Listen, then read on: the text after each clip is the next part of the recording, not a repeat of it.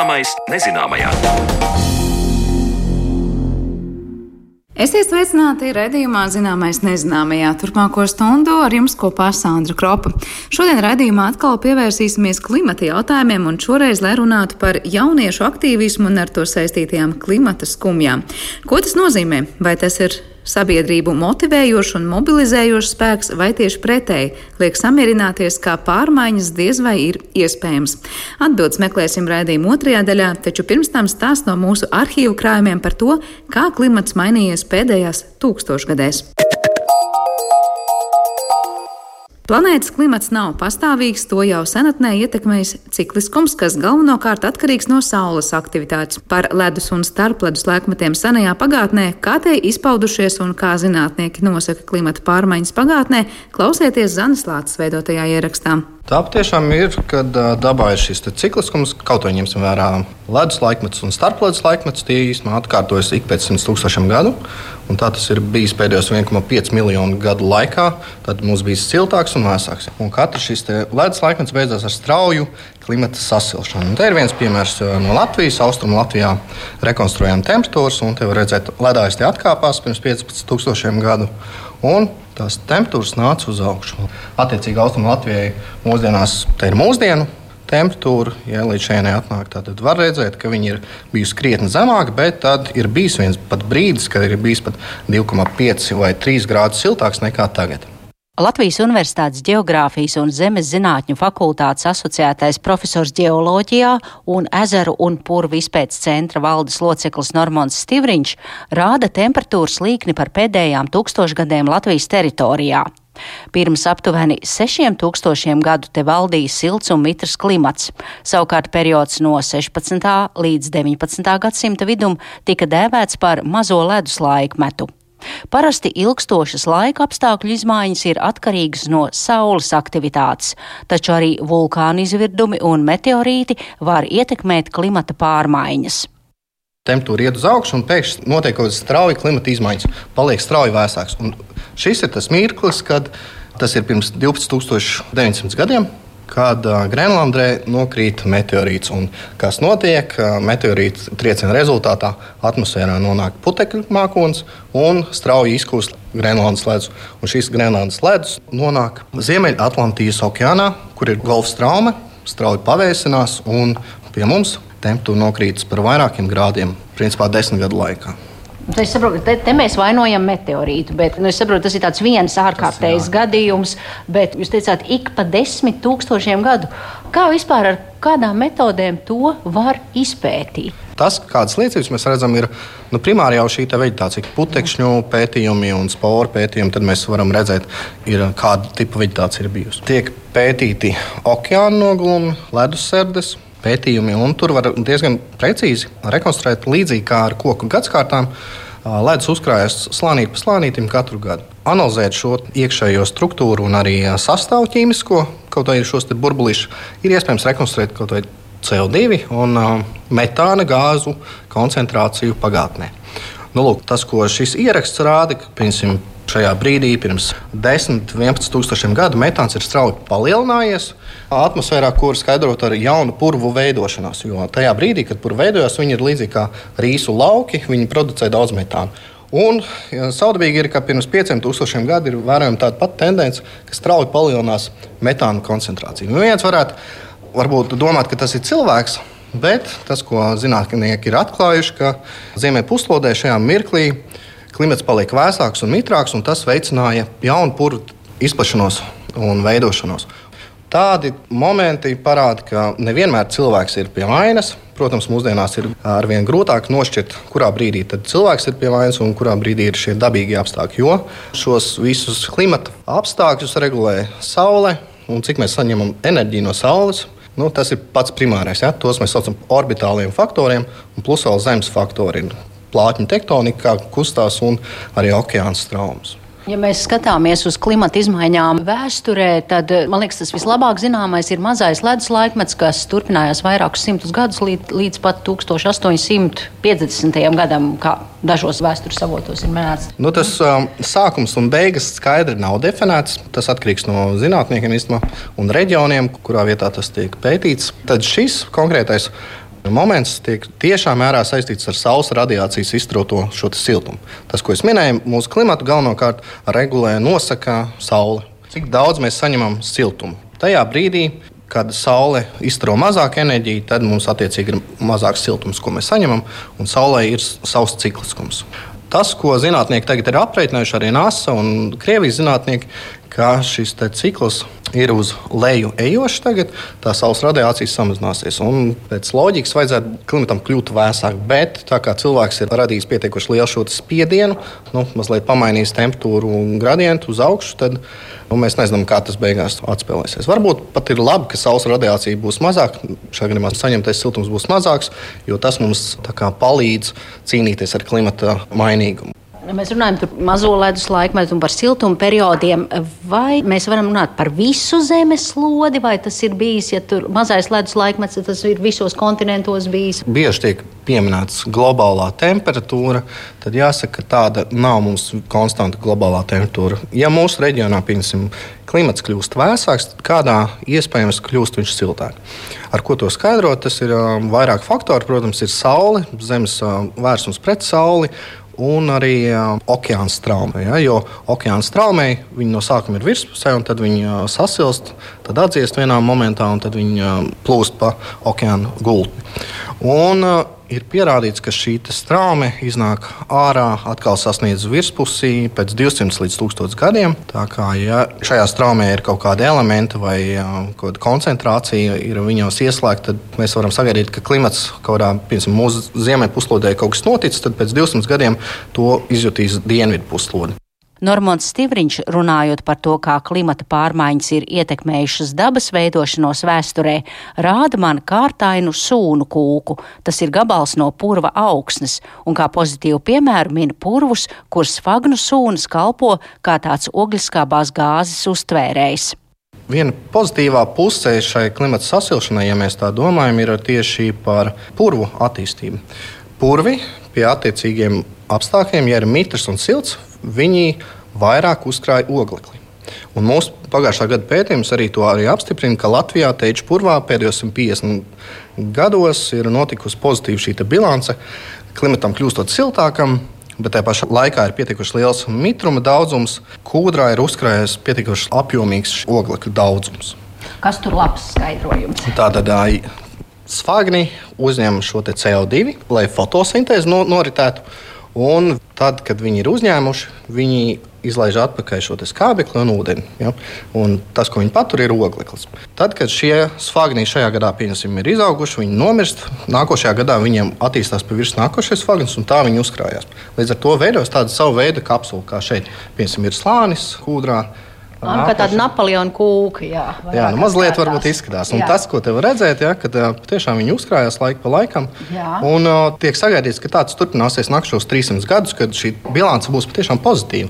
Un tas mums nāk par labu. Mums ir ļoti daudz purvu, un to arī vajadzētu atcerēties, kad mēs piemēram mēram kaut kādas sega emisijas vai runājam par kvotām. Tad tas, ko mēs vēl neņemam vērā, ir cik daudz reāli mums ir dabīgajos purvos uzkrājas arī ogles. Bet runājot par šodienu, kad klimata pārmaiņu iemesls ir cilvēka saimnieciskā darbība, ir interesanti uzzināt, cik lielā mērā tā ietekmē dabas noteikto cikliskumu. Tas, kā būtu bijis jānotiek, ka mēs principā ieejam nākošajā ledus laikmetā. Jo starpledus laikmets, kurā mēs dzīvojam, tas ir aptuveni 10, 11 tūkstoši gadu, un tad principā arī tam vajadzētu beigties. Bet tā kā tagad cilvēks ir nācis palīdzīgā, tam visam, tad zinātnieki atsevišķi aprēķinājuši, ka šis ledus laikmets, jaunais ledus laikmets neiestāsies vēl turpmākos 10 līdz pat 50 tūkstošu gadus. Jo šī dabiskajos procesos ir nobīde veicināta. Par klimata pārmaiņām pagātnē stāstīja Latvijas Universitātes Geogrāfijas un Zemes zinātņu fakultātes asociētais profesors ģeoloģijā un ezeru un purvu izpētes centra valdes loceklis Normons Stīvriņš. Ar viņu tikās mana kolēģe Zāne Lāce. Taču jau pēc brīža sarunas studijā par klimata skumjām mūsdienās.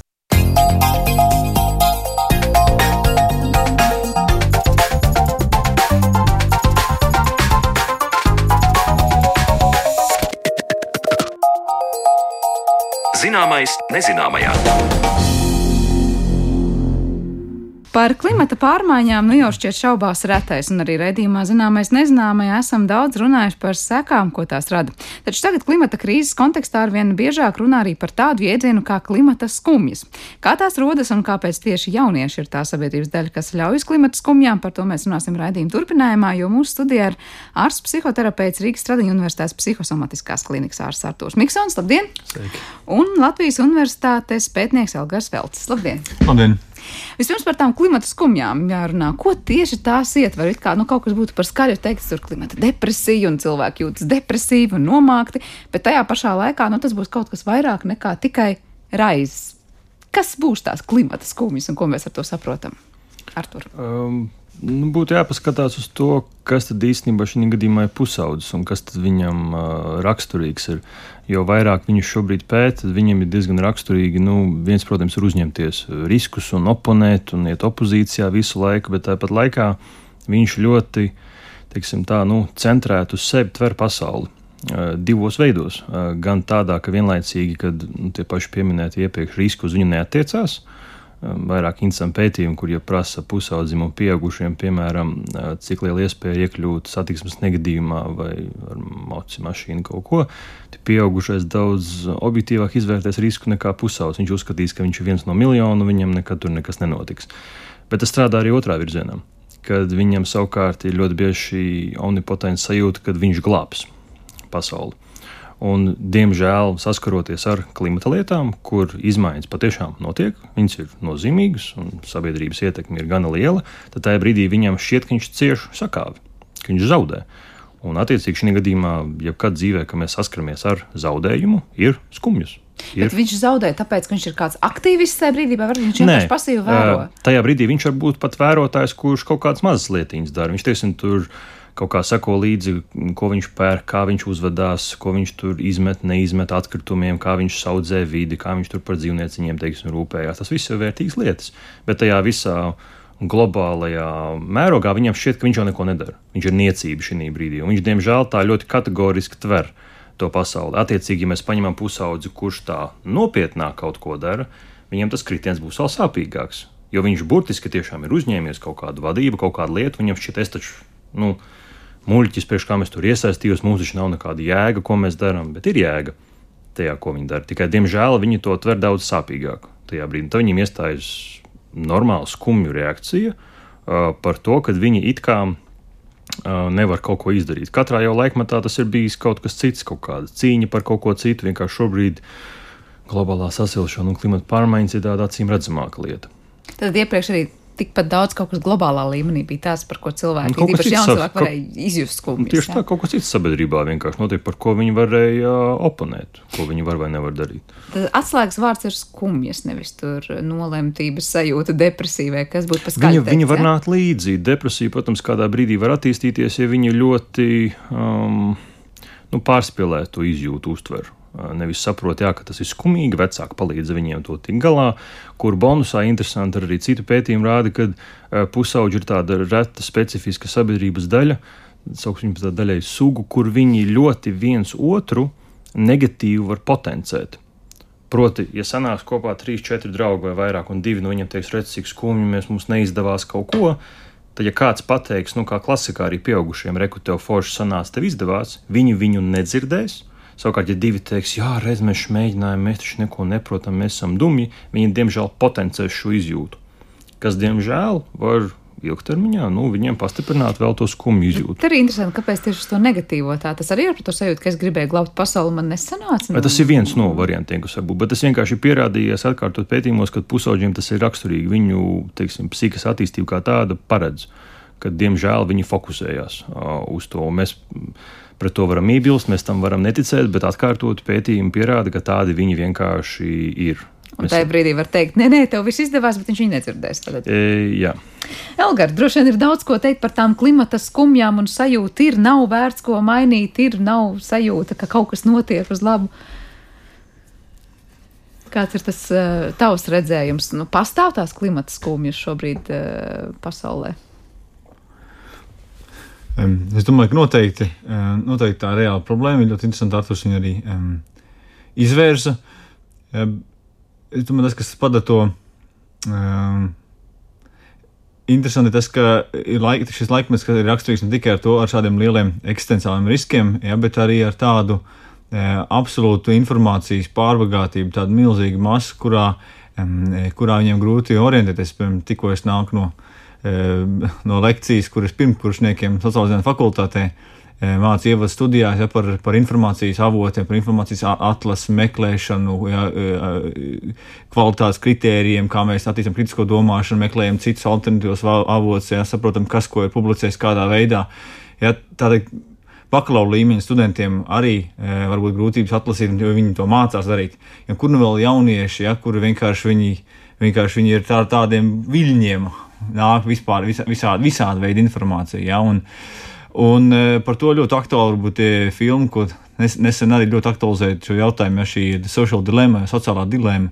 E, ļoti labi parāda teiksim, to arī šo jaudu e, sociālajiem mēdījiem, visām informācijas, mesēm, informācijas meklēšanas, visām vietnēm, būtībā e, jaudu tajā, tajā, kā viņi ietekmē it īpaši jaunieši, ja, kur, kur, kur šī psiholoģiskā stabilitāte nav tik liela kā, kā pieaugušiem. Ja, teiksim, ja šīs, šīs vietnes, kuras darbojas nevis ar mēķi kurš sākotnēji tika izveidots ar mērķi um, cilvēkus teikt, uzturēt saziņā, ja šie cēlē mērķi, bet viņas pārvēršas vis, beig, beigās, visas eh, balstās uz galveno mērķi noturēt lietotāju uzmanību, cik vien ilgi iespējams, lai ar kādiem, ar kādiem, uh, ar kādiem veidiem iespējams. Ja? Un, lūk, un, un, teiksim, tur, Uh, tur arī kontekstā arī teiksim, ar, ar, ar, uh, gan ar klimata jautājumiem, ja, gan ar vispār jautājumiem, teiksim, tā, ir, ir, ir tas, kur viņi nogrimst ja, tajā informācijas apjomā. Ja, un, Un gan, gan, gan, gan tie, kas cenšas teiksim, darīt labu, gan tie, kas gribētu to ignorēt, gan, nu, ja, tas man liekas, visiem ir aktuāls šis jautājums. Šis, informācijas plūsmas, plūsmas jautājums. Teiksim, ne? Bet arī jautājums, vai šeit būtu tā, kā Artur pirms tam teica, no tās informācijas apjoma viņi vienkārši saredz tikai to bezcerīgo un slikto, vai mēs grēkojam kā mēdī un arī sociālajos tīklos pārāk varbūt vienpusīgi mēs atspoguļojam tikai to negatīvo. Nu, Protams, nerādām par to, ka lūk, dzīvotnes tiek kādas atjaunotas vai kaut kur notiek arī kaut kāda darbība, kas kā nes pozitīvu rezultātu. Mēs pārāk daudz varbūt vienkārši runājam par to, kas nu, iet zudumā, nevis tiek atjaunots, ja klimata kontekstā mēs nu, runājam. Man, es nedomāju, ka tādā ziņā, ka tas ir, ja, ja nu kas tur, manuprāt, nav nav pietiekoši daudz tā informācija, lai tās, tās situācijas izvērtējums. Ja, nu, nu, tur ir nākuša dilemma, kas saistās ar to, kā, nu, kā vispār komunicēt par jautājumiem, kur, kur, kur slikto ziņu ir daudz vairāk nekā labo ziņu. Bet tās ziņas tāpat ir jākomunicē kaut kādā veidā. Ja, un, tas arī tas, tas, tas jautājums. Es drīzāk domāju, tas informācijas apjoms tajā, ka e, samudžinās arī virknē sazvērestības teoriju un, ja, un vispār visādās apsvērumos, kas, kas gan e, mazina ja, teiksim, klimata vai vidas jautājumu teiksim, riskus, gan tā, vai, vai pārspīlēju, vai pārspīlēju, kas ir mazāk, ja, bet arī varbūt teiksim, pārspīlēju par to, ka, ja, ja, ka tas ir, ja cilvēks izmirst pēc pieciem gadiem vai desmit gadiem, nu, tas arī tādi saukļi, kas nav zinātniski pamatot teikumiem, ka cilvēks pēkšņi izmirst. Tas, ka cilvēcei ir eksistenciāls problēmas, ja, tas, tas ir pamatot. Ja, nu, nu, tur tas pārspīlējums e, rodas. Tāpēc vērš uzmanību tiksim, uz to informācijas pārbagātību tajā, ka, ja, ka viņi gan šīs pārspīlētās ziņas, gan, gan, gan informācijas trūkumus vai sazvērstības teorijas, viņ, viņiem ir ārkārtīgi grūti saprast, kam tad īsti lai tic, ja, kam, kam, kam es, uz kā balstīties. Ar to, jā, ar to informācijas pārbagātību tas tāds papildus riska faktors sanāk, ja? Es tieši gribēju komentēt, Elgars Baigi forši pateica, ka kā reiz šie sociālai mēdīji, protams, šobrīd vairāk tendē to uzmanību noturēt, līdz ar to ir kombinācija no tā, ko tu jau teici, kad viņi Eh, jau ir jūtīgāki paši par sevi uz informāciju, un ja vēl ir kaut kāda platforma, kas eh, mēģina trāpīt mērķī, Um, nu, es pieļauju, ka gana labi zinot, viņi jau sen ir izpētījuši no sociālās puses, ko tieši ar pusauģiem ir jādara, lai viņu uzmanību noturētu. Šeit es domāju, tas, ko es stāstu šobrīd, jau sen kaut kādiem mēdījiem, sen informācija pieejama, viņi zina, kā viņu iz, izmantot. Cerībā, ka to nav pārāk daudz, kas to ļaunprātīgi izmanto. Bet viennozīmīgi tā puse tā informācija, ka viņi ir daudz, apgrūtina viņiem to. Kāpēc? Jo viena no lietām, kas arī viņiem ir svarīga, ir autoritāte. Vecāka autoritāte tiek sagrauta, viņi nav vajadzīgi, jo viņi taču neko neēdz. Nu, viņi meklē citur autoritāti. Tas var būt skolotājs, treneris, elks kaut kāds. Nu, viņš pēkšņi iznāk elks un saka, mm, klimata pārmaiņas, globālā sasilšana, dabas piesārņojums. Un tajā brīdī viņi uzreiz, oh, jāsako. Un cerams, ka tas elks, ko viņi atrod, ir ar veselīgu motīvu. Nu, virz uz kaut kādām tiešām veselīgām darbībām. Nevis iesim tagad tikai protestēsim, iesim tur apmēram šitiem pārmetīsim, kaut ko darīsim to un šito, ka viņi iemācās kaut ko veselīgu. Tā ir man tāda naiva cerība. Bet tajā visā informācijas plūsmā viņi var atrast gan mm, neveselīgus piemērus un paļauties uz viņiem. Tāpēc, ka viņi ar viņiem norezonē, viņi viņiem šķiet pieņemamāki un sasaucās ar viņu iekšējo to būtību, ka vajag oponēt, vajag protestēt iekšēji pret sistēmu, pret netaisnību, pret apspiestību. Tas jau, ko mm, daļai Lambas diskusijās minēja, ka tas pēc būtības, ko viņi redz, kas notiek vidē, ļoti norezonē ar viņiem pašiem. Par tiem protestiem runājot, no vienas puses, jā, mums izskan arī nevienu reizi vien pārmetumu, nu, kad, uh, ko tad jūs vēl gan drīz vai nopelniet paši savu pirmo naudu un tad izdzīvojiet un nāciet norādiet citiem, kā jādzīvo. No otras puses var teikt, jā, bet kur vēl tiem cilvēkiem iet, kuriem šobrīd ir, piemēram, zem 20, uh, viņiem, kā saka, liekas, ka, nu, tā pasaule grūst varbūt apkārt, mēs paši pildām šos ziņojumus, ka gan drīz vai, nu, tad pēc desmit gadiem būs tā un šā un, un gan drīz vai pasaulēs bojā, te mazliet pārfrāzēt, Elgar, to, ko tu teici. Ko mēs sagaidām no tiem cilvēkiem? Viņiem tā kā ir loģiski iet protestēt un ļaut un teikt, mēs esam pret to, ko jūs šobrīd darat, un viņiem savāk liekas, tās rokas ir sasietas. Vai tas nebūtu tā kā teicis īstais variants, ko darīt? Nu, par tiem protestiem es varētu būt domājis, tur, kur kaut kādi jau pārvēršas par grautiņiem un kaut ko agresīvu un destruktīvu, tos īsti neatbalstu. Bet tur, kur, teiksim, vispār būtu protesti kā tādi, es domāju, ka jā. Jo nu, pusauģi bieži vien kaut kādu uzvedību pieaugušajiem nav saprotama, kāpēc viņi tur iet un dara sev nezinu, pāri, kāpēc viņi kaut kur tusējās, iedzer, pīpē, kāpēc ir kaut kāda vandālisma neliela vai vēl kaut kas. Nu, tas ir pat tālu, bet idejiski, kad tas grūtākais jau būs, ja viņš aizies pat protests, kas būs sakarīgs, labi norganizēts un konstruktīvs, viņi jau ļoti bieži nesasniegs mērķi nu, kad pēkšņi neatnāks valdība un teiks, ah, piedodiet, mēs sapratām, nu, mēs tagad visu, main... mēs visu mainīsim no rītdienas. Ja? Tā visbiežāk nebūs. Bet es domāju, tā veselīgā pieredze, ko viņi iegūst, ka mēs varējām pateikt nē.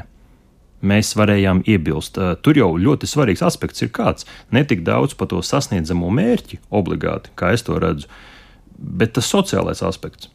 Viņi sanāk kopā visi, viņi spēj mobilizēties. Viņiem ir ļoti svarīgi piederēt grupai.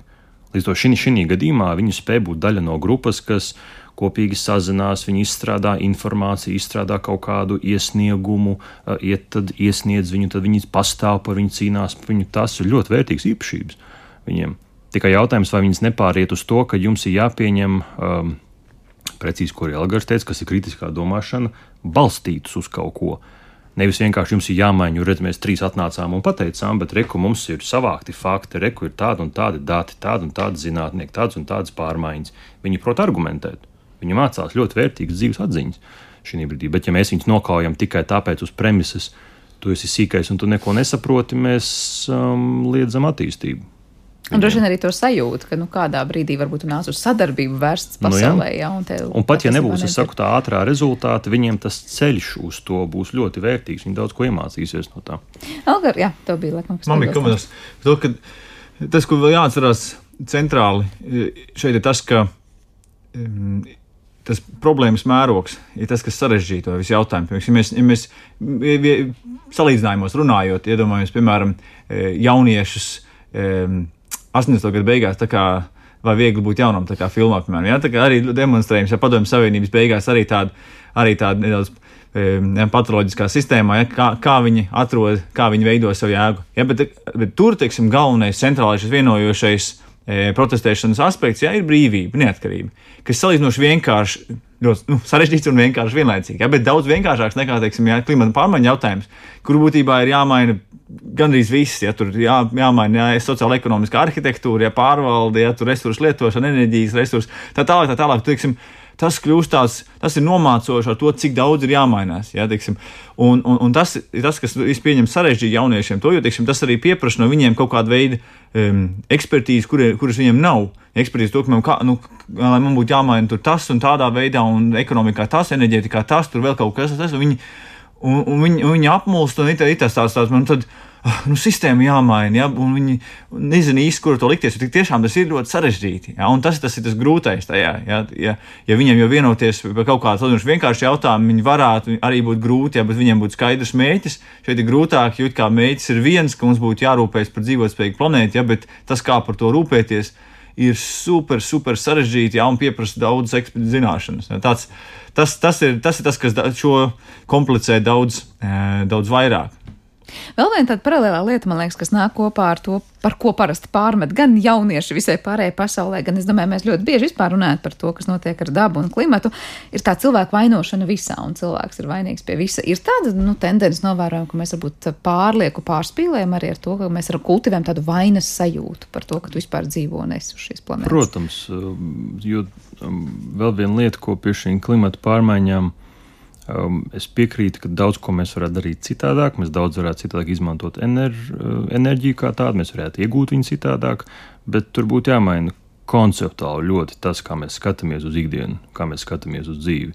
Uh, es pieļauju, ka liela daļa, mm, varbūt šobrīd kļūdīšos, algoritms man pakarģēs, ka liela daļa, manuprāt, šobrīd kaitējums dabai ir vien nodarīts no tā, ka mēs šeit sēžam, radio studijā mikrofoni, galdi, viss pārējais ir daļēji kaitējums dabai noticis, lai mēs vispār varētu šādā veidā komunicēt. Bet, protams, jāskatās, cik lielā mērogā tas notiek.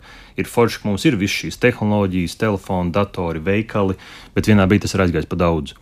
Tad tas skaits, cik tas ir, kad šeit, teiksim, šobrīd es varu aizvest jebkuru Rīgā veikalu, es nesen gāju uh, Eh, iespējams pārdomās pēc mūsu lampas diskusijas par depo veikalu un skatos tās rindas ar lietām, kas ir pieejamas. No vienas puses forši, es varu dabūt jebkuru laku, jebkuru krāsu, jebkuras durvis, bet vai tiešām to visu vajag? Līdz ar to vienā brīdī tā otra puse, kas var būt eh, jaunietim, ka viņš var saskarties skumjas, kas viņam paralēli var radīt, ka viņš saprot, ka daļēji kaut kāda ērtība, ko viņš izmanto ikdienā, ir daļa no problēmas un viņam būtu jāatsakās no viņas. Un tad daļai radikāli parādās starp tiem pašiem jauniešiem, ka teiksim, attieksimies no visa. No telefoniem dzīvosim, mežā nevienu nerunāsim un tā tālāk. Un tas ir arī tā nu, margināli otrā uh, grāvja pusē. Līdz to, protams, tajā brīdī, kad mēs saskatām problēmu, aktualizēs viņu pašu vainas izjūta, ka varbūt reku es pats izmantoju, es pats baudu, es pats forši dzīvoju. Jā, varbūt kaut kas no tā arī kaitē dabai. Iespējams. Bet līdz ar to, ko tu to vainas izjūti, sajūti, jautājums, vai tu tiec ar viņu galā. Kas ir labākais risinājums, lai tiktu ar viņu galā? Nu, lai tā nepārauktu kaut kādā nevajadzīgā spriedzē. Nu, nu, vai neignorētu to? Nu, jā, visu laiku šūpolis tas ir. Jā, jā, nu, teiksim, šeit nu, tas veselīgais ir nevainot uzreiz citus, ka citi pie kaut kā uzreiz ir vainīgi. Nu, es teiktu, nu, lielā mērā individuāla atbildība. Es spēju tikt galā ar vainas izjūtu par to, ka, jā, visticamāk, tas, ka es braucu ar mašīnu, lietoju kaut kādas tehnoloģijas, jā, dabai kaut kādu kaitējumu nu, nodara, bet es lieku nepērku, pieņemsim, kaut kādas papildus lietas. Es lieku, neesmu sapircis trīs, četras mašīnas, sev, ko es daļai varētu, bet man tas nav vajadzīgs. Līdz ar to tu izmanto to resursu daļu, ko tev vajag. Saprātu, jā, jā, tajā, un nevis pāriet tajā, kad es ļoti vainoju sevi, ka es vēlos pilnvērtīgi forši dzīvot, baudīt savu dzīvi, un nevainoju arī citus, ka varbūt viņi dara Uh, vairāk. Bet te droši vien arī rastos tāds jauns, arī nu, varbūt tāds spriedzes vispār cēlonis.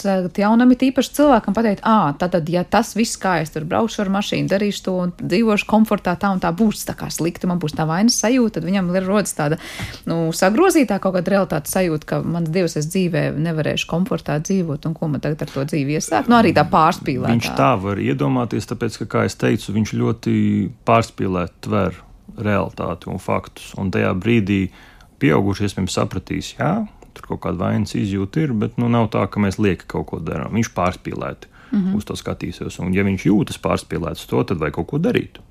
Nu, ja vajag kaut ko darīt, tad attiecīgi vai nu mums visiem ir jāmainās tagad. Un mācām citus, jā. Jā, nu mācām citus dzīvot, vai man tagad ir jāmaina. Un grūtākais jau viņam, ko ir izdarīt. Nu, tehniski tu jau vari nomainīt, un tā tad tu jūties labāk pēc loģikas nu, kā tu esi minimizējis visus resursus, ko izmanto, tu jūties labāk. Bet tur tas dīvainākais ir, ka tad tev skauž, ka pārējiem ir un tev nav. Un tur redz, ka problēmas tāpat turpinās. Es, es tieši to gribēju vērst uzmanību, jo tas, ja, tas ir ārkārtīgi svarīgi, tāpēc runāju arī par tādu ja, sociālo-ekonomisko arhitektūru, vieniem vārdiem sakot. Ja, ir, ir tieši tas jautājums, ja sociālo-ekonomiskā arhitektūra pieļauj tik ļoti lielu E, ienākumu kapitāla nevienlīdzību. Ja, ir tas, kas ir um, radījis gan sociologi, gan psihologi, teiksim, arī tieši pēti, tieši pēti pamatot ja, to, kāda veida teiksim, negatīvus, negatīvus teikt, sabiedriskos fenomenus tas rada. Ja, jo augstāka nevienlīdzība, ja, šī nemitīgā salīdzināšana, šī nemitīgā kaut kāda skaudība vai netaisnība sajūta un līdzīgi. Ja, tiešām ja, lielāka nevienlīdzība rada šo sajūtu. Un tas, un tas ir teiksim, aktuāli arī saistībā ar um, arī, arī mūsu to Tas jautājums ir par mūsu nodarījumu vidē. Tas jautājums par mūsu runāšanu, mūsu mērķis, kā mēs visi, visi būtu vienlīdzīgi, jā, vienlīdzīgi pie vainas. Ja tur ir ārkārtīgi svarīgi teiksim, saprast to, cik ļoti, cik tieši tie super, super bagātā pasaules daļa, super turīgie, teiksim, ja, cik, cik ārkārtīgi liela ietekme būtībā, būtībā jau uz visiem negatīviem faktoriem tieši, tieši viņiem ir. Ja? Un, tas, un tas nav tāds ideālistisks pārspīlējums, to, kas ir kāds ja, atkal grākāšu meklēšana, ja, kaut kas tāds, jo tik tiešām ja, šī um, disproporcija ja, šī, ja, ir milzīga. Ja, to, to, cik salīdzinoši ļoti maza daļa no pasaules, cik daudz spēj atļauties kā, ar kādu resursu un enerģijas intensitāti ja, savus dzīvesveidus uh, veidot. Un, un no tā izriet, teiksim, nākošais kaut kāda tāda bīstama apgalvojuma, piemēram, sakot, nu, kad mums ir šie ja, klimata vai vidas jautājumi, jārisina to, kad, ja, kad ja cilvēku skaitam jāsamazinās tūlīt un tagad, ja, un tas ir ārkārtīgi bīstama teritorija. Ja. Bet tas ir kā jā, jā, jautājums. Un, bet tiešām tas nav jautājums par to, ka cilvēku skaitam kā tā jā, jā, jāsamazinās. Jo tā ir tā loģika, to, ka mēs vainīgi, mēs visi. Jo tie mēs ne, neesam nebūt jā, vienlīdzīgi mēs, jā, un tie ļoti dažādi mēs. Un tiešām jautājums ir par, jā, par to, par um, nu, vienlīdzības jautājumu. Jautājums, lai nav risks sakal, ka pie visa vainīgi lūk tie, kas ar privātu lidmašīnu lido, un mēs pārējie vispār neko, bet tāpat laikā varbūt uh, saliekot bildi tādā plašākā uh, kontekstā skatoties, nu atradīsim, kur gan mēs visi esam vainīgi, kur vainīgi ir varbūt tie, kuri tur atsevišķi ar savu dzīvesveidu īpaši izceļ šajā jomā. Nu, nu jā, un, un tur, un tur jā, visu laiku tas saspēles starp to, starp kaut kādu individuālo vainu vai atbildību un, un to, un to kā, kā, kā sabiedrībā, sabiedrība ekonomika ir veidota, tas, kas pieļauj tādu veidu, tādu veidu milzīgas, milzīgas atšķirības.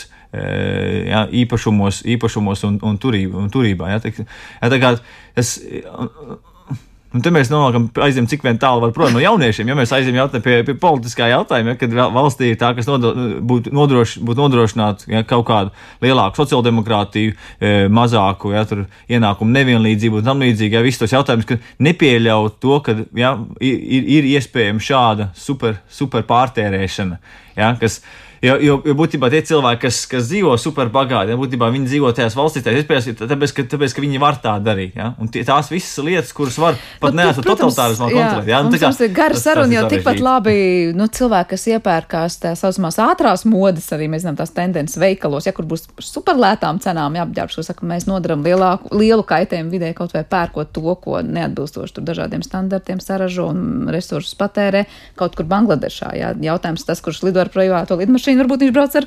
elektroautorātu. Viņš savukārt nu, var atļauties citas savas atkal rīcības sekas, kur mēs teiktu, nu, varbūt tā nav tik vidē draudzīga vai nedraudzīga. Jebkurā gadījumā Jā. tas mazliet ir cits stāsts, bet Elgār, tu piesauc to stāstu, to, to, to parādību, kur saka, jā, ka cilvēkiem, nu, gandrīz mūsu ir par daudz, eh, pasaulē par daudz cilvēku.